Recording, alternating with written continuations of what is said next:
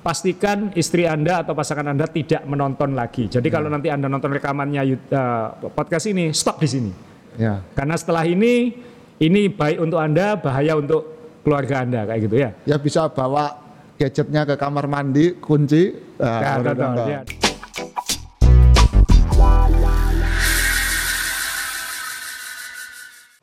Om Rey, ini seneng episode ini pindah lokasi lagi dan lokasinya ada makanannya sekarang.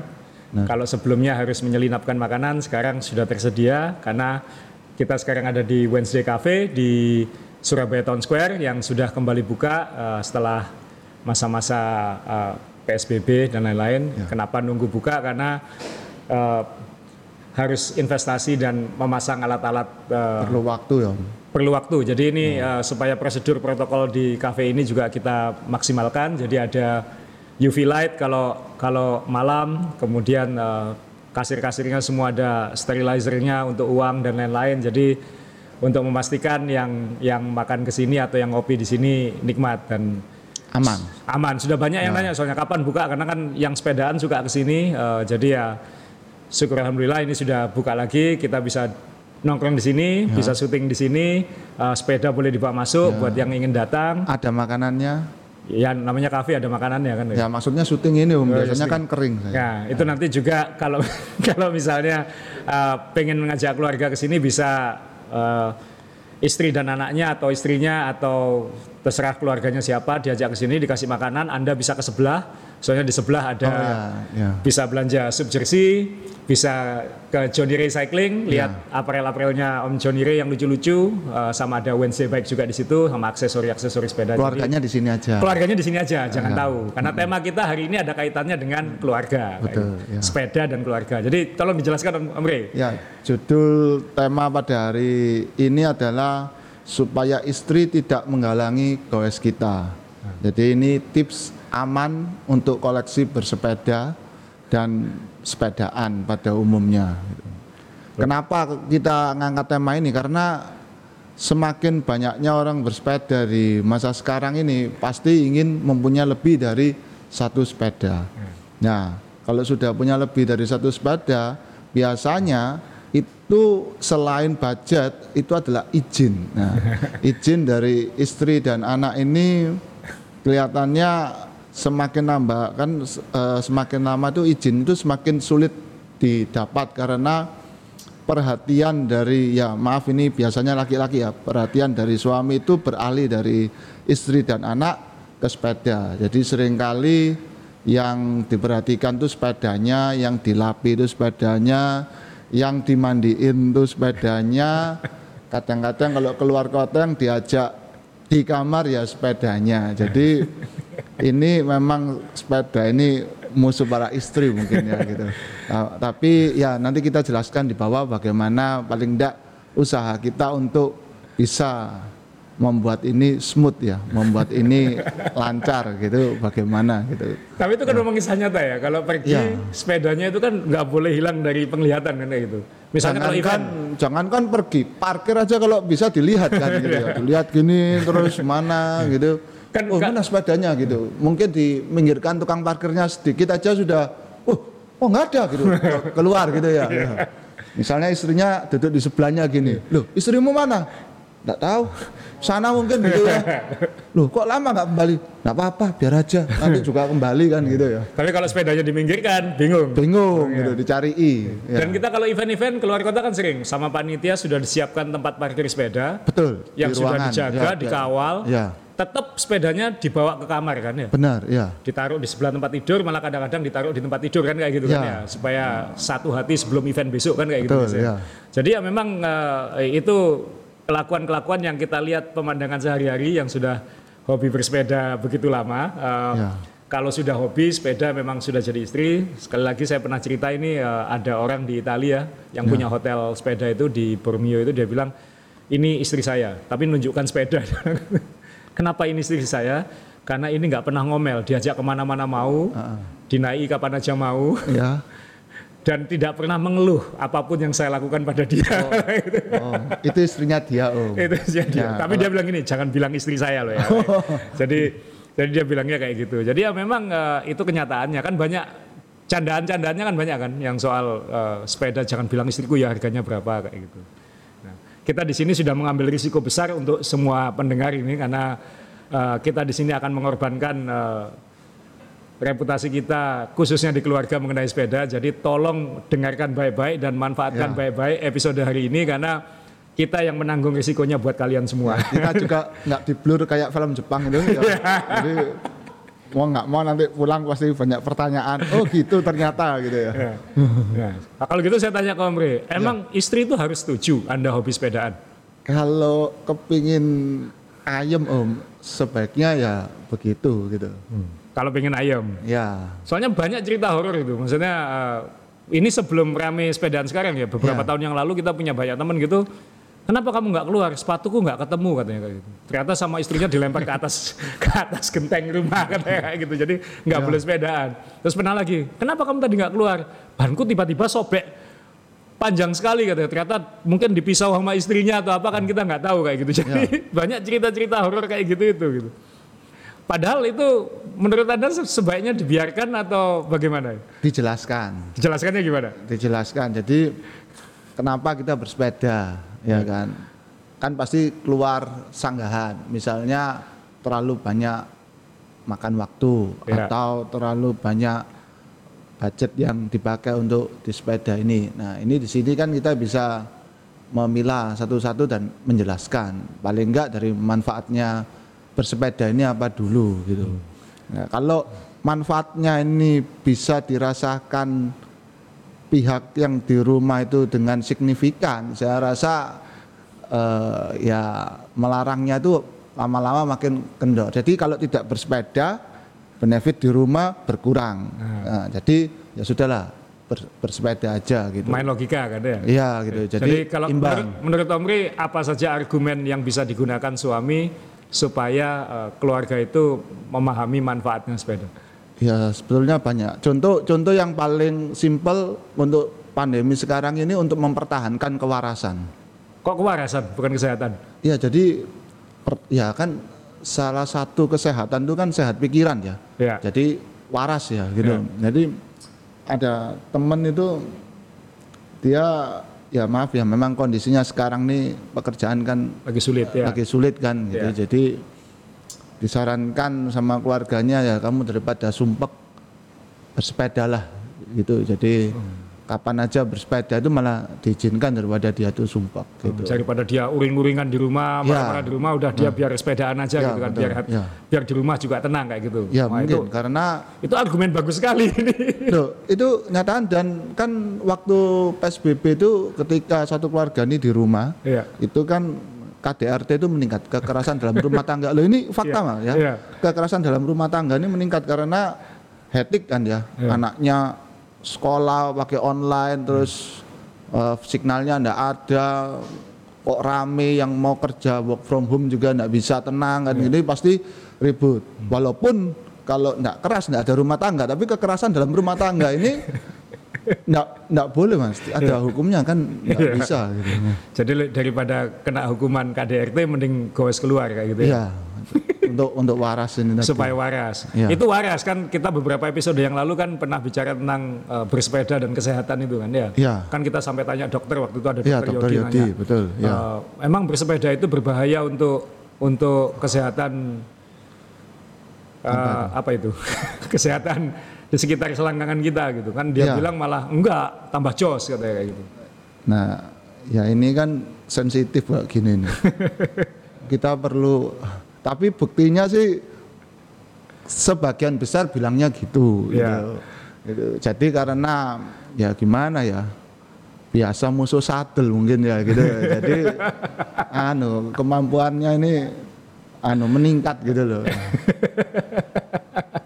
Oke, terus ada juga yang teman juga yang bilang ini kan ya kan lebih baik berangkat pagi-pagi daripada pulang pagi gitu kan. Daripada hobi yang lain kan mending rajin bangun pagi gitu. Ya, memang itu kenyataan. Banyak yang merubah gaya hidup ya. dari yang suka pulang pagi atau pulang malam, otomatis kalau bersepeda kan paling enak itu ketika baru bangun terus sepedaan. Ya. Jadi tidak mungkin uh, nunggu jam 9 baru sepedaan temennya sudah pulang semua dia baru bangun baru mau naik sepeda kan sudah panas sudah ramai jalanannya Ya. jadi akhirnya pelan-pelan juga ganti eh, cara tidurnya itu lebih cepat bangunnya lebih awal yang mungkin teman lamanya itu baru pulang dia sudah bangun sudah keluar sepedaan kan seperti itu Ya kan ada teman kita juga bilang tuh katanya sekarang sejak hobi sepedaan itu sekarang Jumat malam sama Sabtu malam itu malam Sabtu dan malam Ya. Minggu itu malah jarang ya keluar malam atau malah jarang jarang eh, istilahnya bikin acara sampai malam-malam. Karena jam 9 malam sudah takut kalau nggak tidur besok pagi dihajar teman-teman ini kan? Betul ya jadi kan itu saya nggak tahu apakah itu manfaat atau enggak tapi itu kan argumen ya. Betul ya pilih mana saya tidur lebih cepat atau saya nggak pulang-pulang sampai pagi kayak gitu kan ya? Ya benar.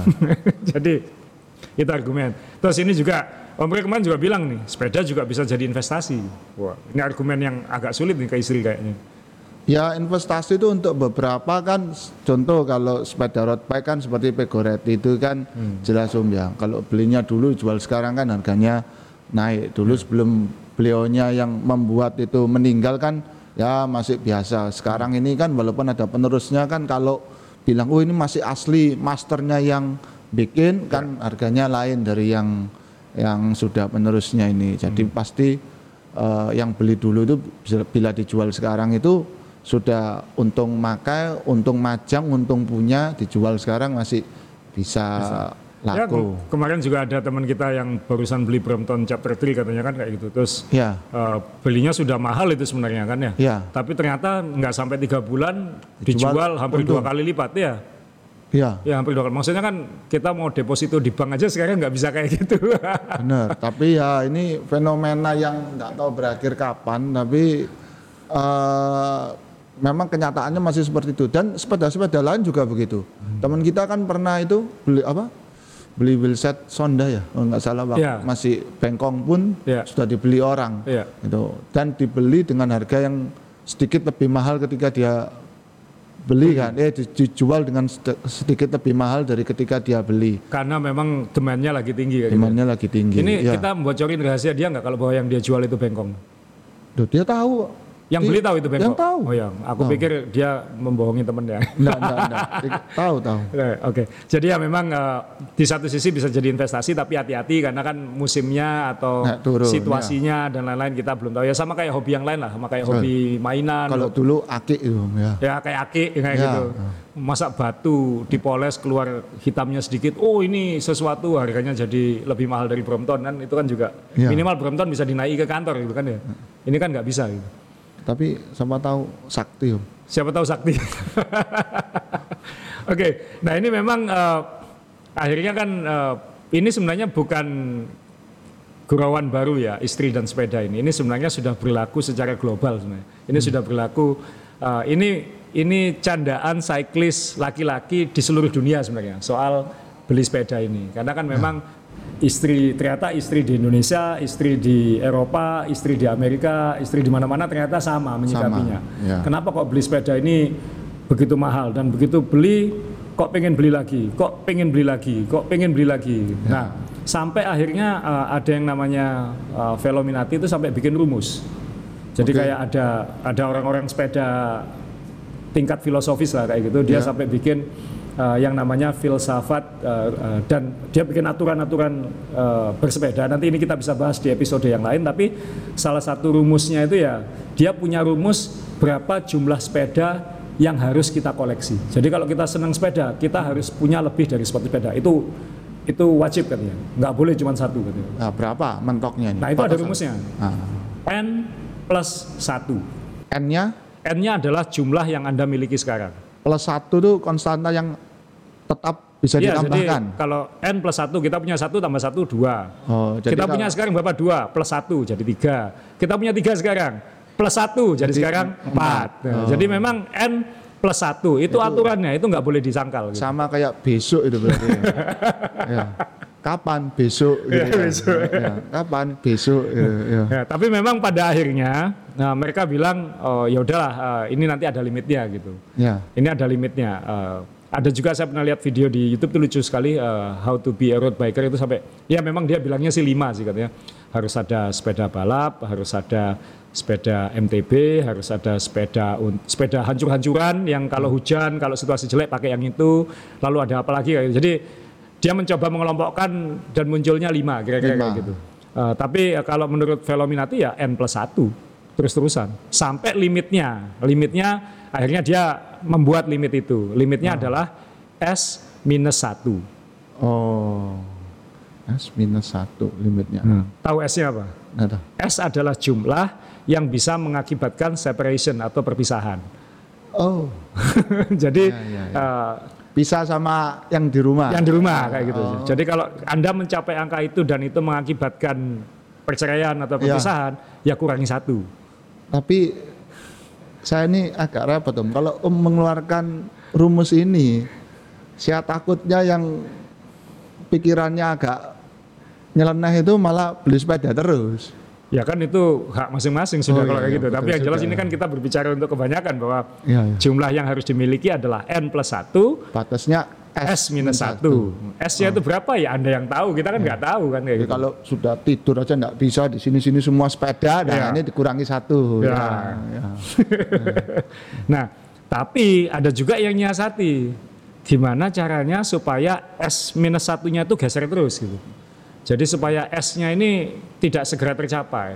Oh, Nah. melar, molor. Nah, nah ini kalau yang sekarang nonton eh, sama istrinya, tolong istrinya suruh belikan makanan atau eh, ngajari anaknya PR atau apa. ya. Eh, jadi Nemeni tolong Zoom, nemeni Zoom sekarang. ya nemeni Zoom atau apa yang lain. Pokoknya jangan. Pokoknya mulai ini sudah spoiler warning buat dari Om Rey dan saya. Ya. Mulai detik ini pastikan istri Anda atau pasangan Anda tidak menonton lagi. Jadi kalau nanti Anda nonton rekamannya eh, podcast ini, stop di sini.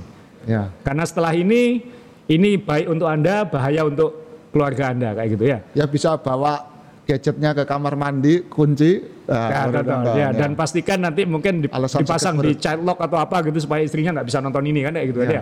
Jadi ini sudah di warning ya. Jadi jangan salahkan Om Rey dan saya kalau eh, apa yang akan kita sampaikan ini membuka rahasia Anda kayak gitu ya, ya. ya. Ya. Jadi kalau di YouTube itu kalau nyekip, Iya. nah ini tolong jangan di skip. Nah, Tolong dan skip. Sekali lagi saat ini terakhir ya. Ya. Kita jalankan ya. Ya. Bagaimana caranya supaya N-nya itu terus bisa plus satu sama S-nya ini geser terus eh, tidak mencapai S minus satu kan Ya. kayak gitu. Ini juga belajar dari beberapa teman sebenarnya. benar, ya. Atau Ada- pengalaman pribadi. ada kalau saya sih enggak om, tapi ada teman saya itu ketika kita pernah ke Italia itu, ya.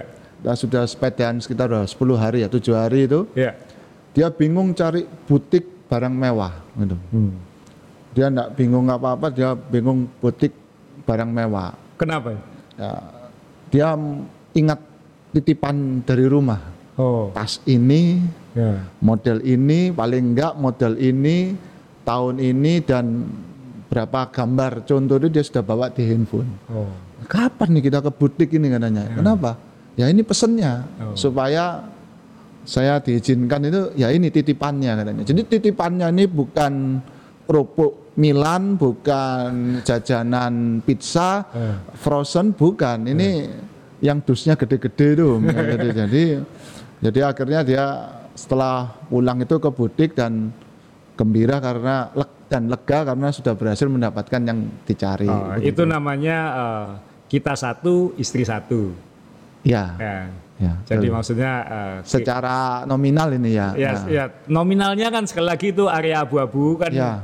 eh, area abu-abu itu kan dalam artian kan dia kan belum tentu tahu harga kayak Ya. gitu. Jadi yang penting kita satu, dia satu. ya, imbang. Imbang. Jadi Ban-ban, ya. eh, kasarnya memang kita ada tradisi nanti mungkin fotonya bisa dipasang di podcast ini teman-teman kita semua ketika hari terakhir sebelum pulang ke Indonesia saat acara Goes di Italia semua pegang bawaan karena semua bawa eh, syarat pulang supaya ada visa terus kayak gitu. Ya, Jadi kalau enggak tidur teras. tidak tidur teras. Jadi kalau kita nambah satu istri dapat satu terserah itu apa hobi istrinya apa kan kayak gitu ya. ya.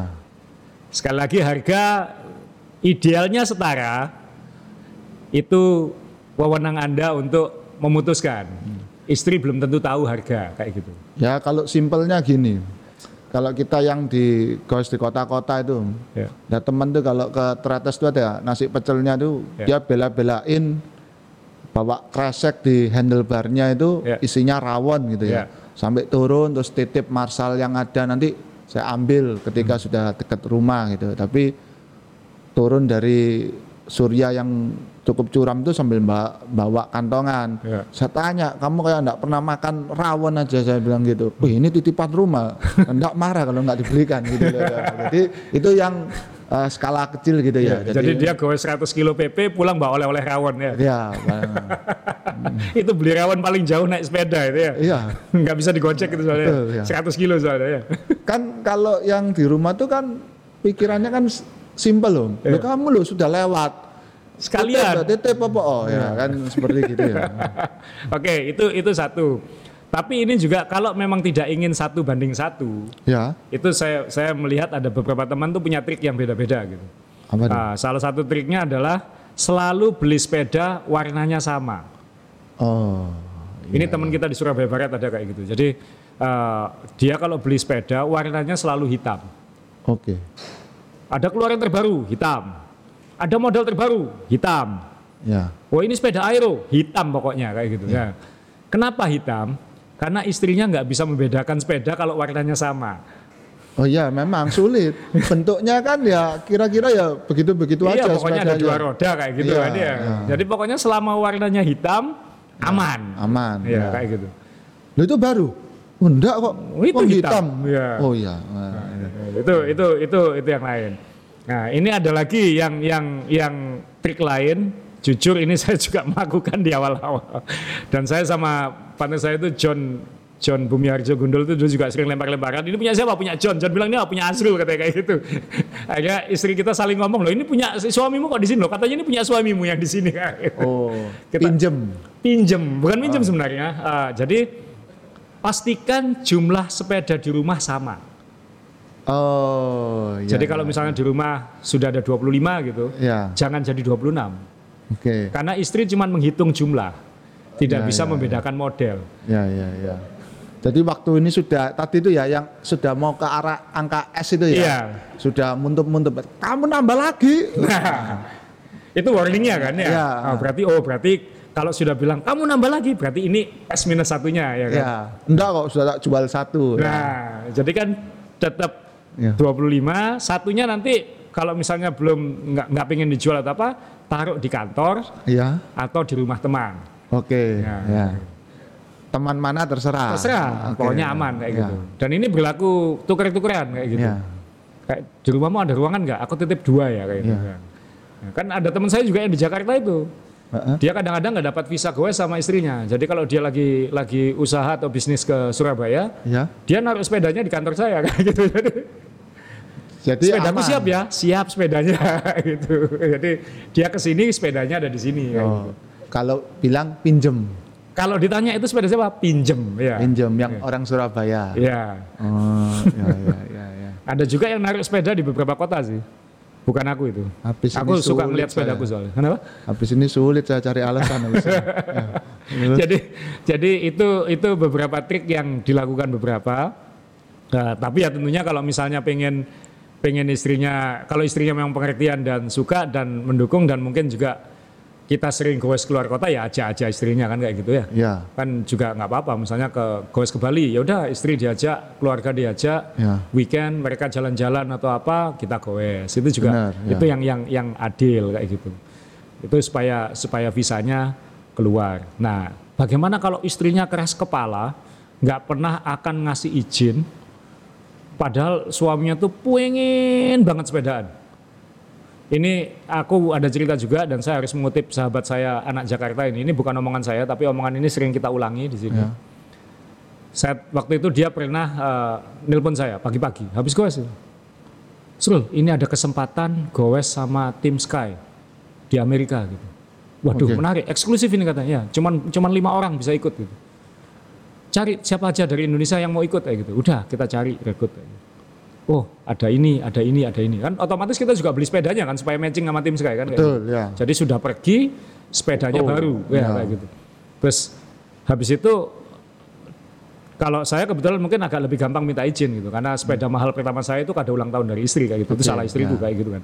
Nah, tapi kalau misalnya Tapi model gitu sudah habis om. ya sudah ya sudah jarang ya kayak keluar, gitu. ya. Nah, nah, dia ini istrinya tuh sangat eh, hati-hati keluarganya memang sangat hati-hati kalau dia pergi kalau pergi memang selalu ada yang jaga dan lain-lain kayak gitu. Nah, ya. Jadi dia tuh pengen banget pergi goes ini gitu. Jadi dia pokoknya dia daftar dulu gitu. Ya aku daftarkan namaku aku bilang. Terus aku juga bilang beberapa teman, yaudah daftarkan mereka oke gitu. Cuman ada yang bilang, tolong jangan ada yang posting ya di sosmed, di Facebook atau apa apa. Aku pengen istriku dengar dari aku. Dia bilang kayak gitu. Ada yang ada yang bilang kayak gitu. Tapi teman saya yang yang ngajak yang pertama ini yang dari Jakarta ini, ini bener-bener nggak ngomong. Sampai mau berangkat tuh dia nggak ngomong ke istri nggak ngomong, ke orang tua nggak ngomong, ke kantor nggak ngomong gitu. Terus, lo kamu nggak apa-apa nanti gini. Tenang Azrul katanya. Lebih gampang minta maaf daripada minta izin gitu. Jadi penting berangkat dulu ya. Ya penting berangkat dulu gitu ya. Minta maafnya sudah nanti sudah di Eropa. gitu. Iya. Jadi lebih ba- lebih gampang minta maaf, bukan lebih baik, lebih gampang minta maaf Ya. daripada minta izin. Oh, ya, ya. Dan logikanya bagus juga sih. Emang pulang dia mau dicerai atau mau dipecat jadi anak kan nggak juga kayak gitu. Ya. Tapi mi- minta maaf. Tapi minta maaf. Ya. Ya. Dan orang yang baik kan memaafkan. Ya, ini yang ngomong Om Asrul. ya. Saya. jadi jadi ini ini ini beberapa tips and trick kayak gitu Ya. uh, untuk mensiasati istri. Tadi sudah di warning, jadi salahnya kalau istrinya nonton ini. Uh, kemudian uh, ada tips lain, Om Rey? Nah ini kan ada tambahannya. Ah. Di sini ini termasuk gambling. Ya. Jadi yakinkan kalau masalah ini tidak sampai mengakibatkan perpecahan besar di keluarga Anda. Dan Ya. ini kan sudah ada disclaimernya. Ya udah Ada- disclaimer ya. Jadi Ya. kalau menggunakan alasan-alasan tadi, Ya, pokoknya jangan salahkan kita. Anda Ya. yang menghitung risikonya kan ya. ya. Ya, Kayak gitu. Jadi ya silakan terapkan sesuai kebutuhan dan kemampuan Anda kayak Hmm. gitu. Nah, nah, tips lain ini ayo. Apa lagi kira-kira? Kalau dia Itu ngeyel. soal harga. Soal harga tadi kita udah ngomong soal investasi. Ya. Tadi juga kalau soal satu banding satu juga harga juga kesebut. Karena harga ini kan Ya, sensi- sensitif. Sensitif banget kan. ya ngaruh ke budget ya kadang-kadang eh, mau makan di restoran mana ngitung ya tapi buat beli wheelset tahu-tahu sudah ada di rumah gitu ya kan Atau, atau misalnya anaknya pengen disekolahkan di sekolah swasta yang mahal, jangan yang murah aja, duitnya buat beli sepeda kayak gitu. ya ini ya mu- mungkin mungkin tapi siapa tahu sekolah yang mahal belum tentu bagus maksudnya dia gitu mungkin. Om, gitu. kan enggak semua yang mahal itu bagus Iya. tapi kalau sepeda bagus perlu Iya, gitu. itu mahal. mahal ya. itu perlu tapi Nah, nah, kalau udah kayak gitu kalau ditanya istri, ini harganya berapa? kalau itu biasanya akan keluar jawabannya ketika pertanyaan itu keluar gitu Kalau aku tanya, aku anggap aja aku aku istrimu lah. Berapa harganya ini? yang mana enggak enggak maksudnya bukan istri ya maksudnya sepedanya nih yang mana Nah, itu sepeda itu harganya berapa? ini 30 30-an Ya. Kok mahal banget? ya memang harganya segitu tokonya jualnya segitu Itu harga beneran 30. iya waktu Enggak. itu loh ya Waktu itu. iya waktu itu waktu itu Kalau aku bukan istri, misalnya aku temanmu sepedaan, man itu harganya berapa? Re itu harganya berapa? tak tak jual lah iya enggak tak jual tidak saya jual kamu tanya itu mau beli apa mau apa gitu kalau misalnya aku pengen beli yang sama, harganya berapa? sekarang iya. lupa iya lupa kalau kalau temen yang tanya kenapa saya itu juga nah, karena saya benar-benar biasanya itu juga melupakan harga Ya. pertama. Kedua kalau mereka tanya saya juga itu mir-miren gitu loh. Kenapa? Mir-mir itu apa? karena biasanya dinyang habis itu hab- ditawar habis itu ya ditawar. ya gitu loh. Habis itu ditawar sudahlah kamu sudah tidak pernah pakai sepeda itu sudah buat aku aja gitu loh. Jadi lebih baik saya ngomong nggak ingat. Memang saya nggak pernah ingat gitu cuman eh, dipikir sengaja nggak ngomong. Memang saat satu nggak pernah ingat. Kedua kebanyakan begitu. Sudah sepedamu ada lainnya kan. Yang ini buat aku aja. Pasti sambungannya begitu. Jadi Lebih baik nggak ingat. lebih baik nggak ingat. Kalau ditanya istri kan juga lebih baik nggak ingat. Ya, tapi kalau istri kan eh, paling nggak ada nominalnya lah. Kan levelnya di atas teman. Ya, ya. Jadi lebih anu. Nah nominalnya itu 100%, 75%, 50% kan ada bercandanya kan uh, yang paling ditakutkan cyclist kalau dia meninggal adalah sepedanya dijual sama istrinya Heeh. harganya separuh dari harga yang sesungguhnya karena dia ngeklaimnya segitu. Dia takut ketika meninggal. Iya. Saya lebih takut meninggalnya daripada takut dijualnya. Itu kalau guyonan yang uh, viral itu Iya. takut ketika si istri ini merasa sudah untung ketika menjual sepeda ini jadi menjualnya tanpa pamit Oh. itu. Dipikir oh ini karena misalnya oh ini harganya berapa? Ini kan ada kan di Ya. di YouTube. Ini harganya berapa? Oh 3 juta sama istrinya dijual 6 juta. Ya. Ternyata dianggap untung kayak gitu. Betul, ya. Ini John Isman kalau nggak salah. saya nonton. Dia bilang ini ini harganya 6, eh, 3 juta sama istrinya dijual 6 juta. Istrinya seneng gitu. Ya. Karena wah, aku berhasil membawa untung buat kamu gitu. 3 juta. 3 juta untungnya gitu. Suaminya dikasih tahu, sorry ya, apa bukan sorry apa, sepedamu aku jual gitu. Ya. Berapa? 6 juta. Suaminya kayak mau serangan jantung habis itu. Karena harganya pasti jauh di atas itu, 6 juta gitu. Jadi sekali lagi eh, perhitungan baik-baik ketika ada pertanyaan dari istri, berapa harga sepeda ini? Nah, Bicara aja pakai kurs lah kayak gitu kan ya, untuk mengambangkan atau apa kayak gitu kan. ya dolar. Dolar. Seribu. Nah, dolar. Dolar. Seribu pound sterling. Jadi pokoknya seribu kan ya gitu. Iya, seribu. Hmm, bahwa itu dolar atau pound sterling kan nggak usah disebut kan kayak gitu Iya. ya. Dolar enggak dolar Australia kok gitu ya. Hmm, Bukan dolar US ya kayak gitu. Dolar Australia, Australia pelan, Australia gitu.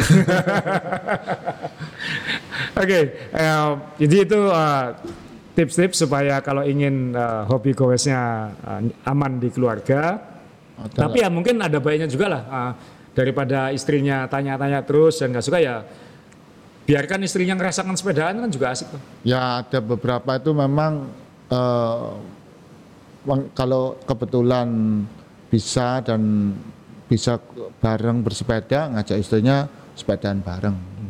Itu. Ada sih misalnya eh, yang memang suami istri langsung beli dua untuk dia dan Ya. istrinya supaya bisa goes bareng kayak gitu. Dan itu kejadian kadang-kadang eh, kadang istrinya lebih kuat dari suaminya, malah istrinya yang hobi sepedaan gitu, bukan suaminya. Itu juga kejadian ada kayak gitu. Eh, kalau saya sih ke saya ke istri dan ke adik waktu itu saya belikan aja sepeda gitu. Minimal biar ngerasain gitu. Awal-awalnya eh, dicoba oh, suka ternyata dia ketika capek dan jauh ya kapok-kapok sendiri akhirnya nggak ikut kayak gitu kan Oh, iya. itu juga juga satu cara kayak gitu. Kalau misalnya dikasih sepeda nggak mau, kasih sepatunya, kasih bajunya supaya dia nyoba kayak gitu. Itu juga juga salah satu tips. Itu Ya. kan bisa masuk satu banding satu tadi kan. gitu. Betul ya. Jadi eh, kasih aja sepeda, toh siapa tahu juga merasakan manfaatnya kayak gitu. Betul. Saya sih juga beli sepeda tandem. Jadi kadang-kadang juga tandem sama sama istri. Kan kalau naik kalau Sama saya enggak mungkin kan? Kamu yang di depan aku mau. Kalau kalau kamu di belakang aku nggak mau. Nanti kalau nanjak itu malah jungkel ke belakang.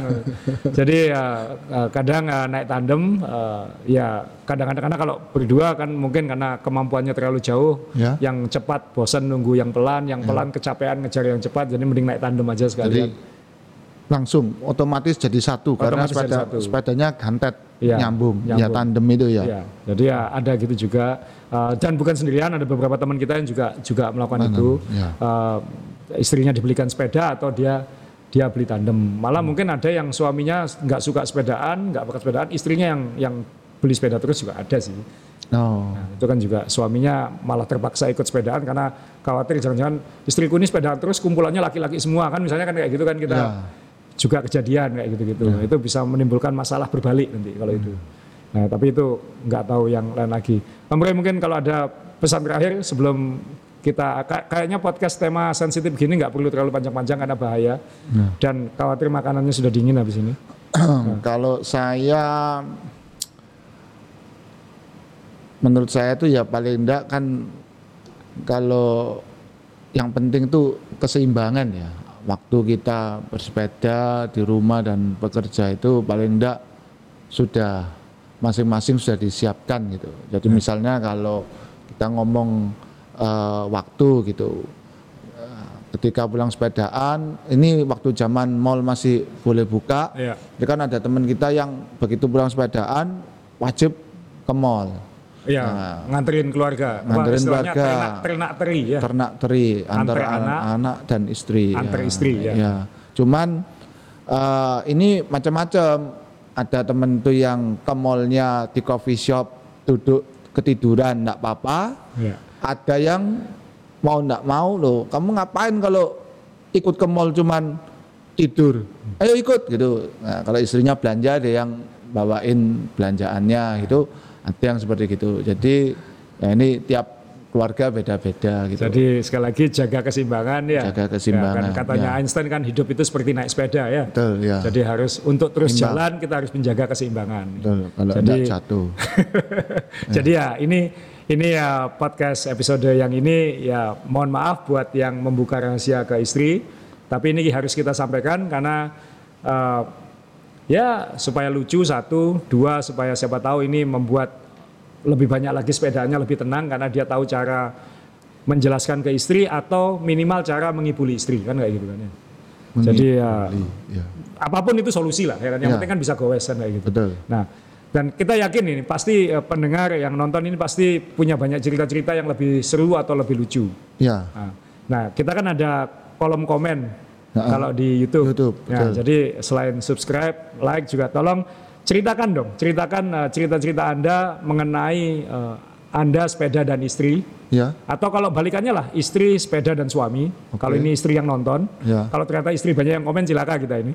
Uh, tapi uh, tolong ceritakan uh, pengalaman keluarga Anda yang paling lucu dan seru. Hmm, dapat apa? Nanti kita beri hadiah uh, sub jersey nanti ngasih jersey Indonesia itu yang ada di sana itu kebetulan uh, laris banget ya. ya. Jadi uh, Uh, nanti kan ini 17 Agustus kan habis yeah. ini. Jadi uh, Agustusan. Jadi nanti ada sub jersey itu yang di belakangnya Om Re, uh, jersey Indonesia bulan Agustus. Nanti kita beri hadiah beberapa komen yang paling lucu. Nanti itu kita umumkan di episode selanjutnya ya. Oke. Okay. Jadi yeah. kita tunggu cerita-ceritanya. Uh, semoga itu nanti cerita-cerita bisa menghibur, bermanfaat untuk uh, semua orang gitu. Dan moga-moga uh, Anda tadi benar-benar uh, yang mengelabui istri, moga-moga istri Anda tidak menonton. Itu aja terima kasih. Ya saya mewakili para sakli semua minta maaf untuk pihak yang merasa dikibuli. Ya ini tujuannya untuk kebaikan, untuk kesehatan. Apalagi sekarang olahraga yang sangat digandrungi itu sepeda karena banyak macam olahraga lain yang orang takut untuk melakukannya karena takut tertular pandemi ini. Jadi saya mewakili saklis-saklis sedunia itu meminta maaf agar tetap dapat izin dan uh, semoga manfaat sepeda ini bisa dirasakan oleh istri dan keluarganya ya. masih. Dia main aman. Oke, sampai ketemu di berikutnya.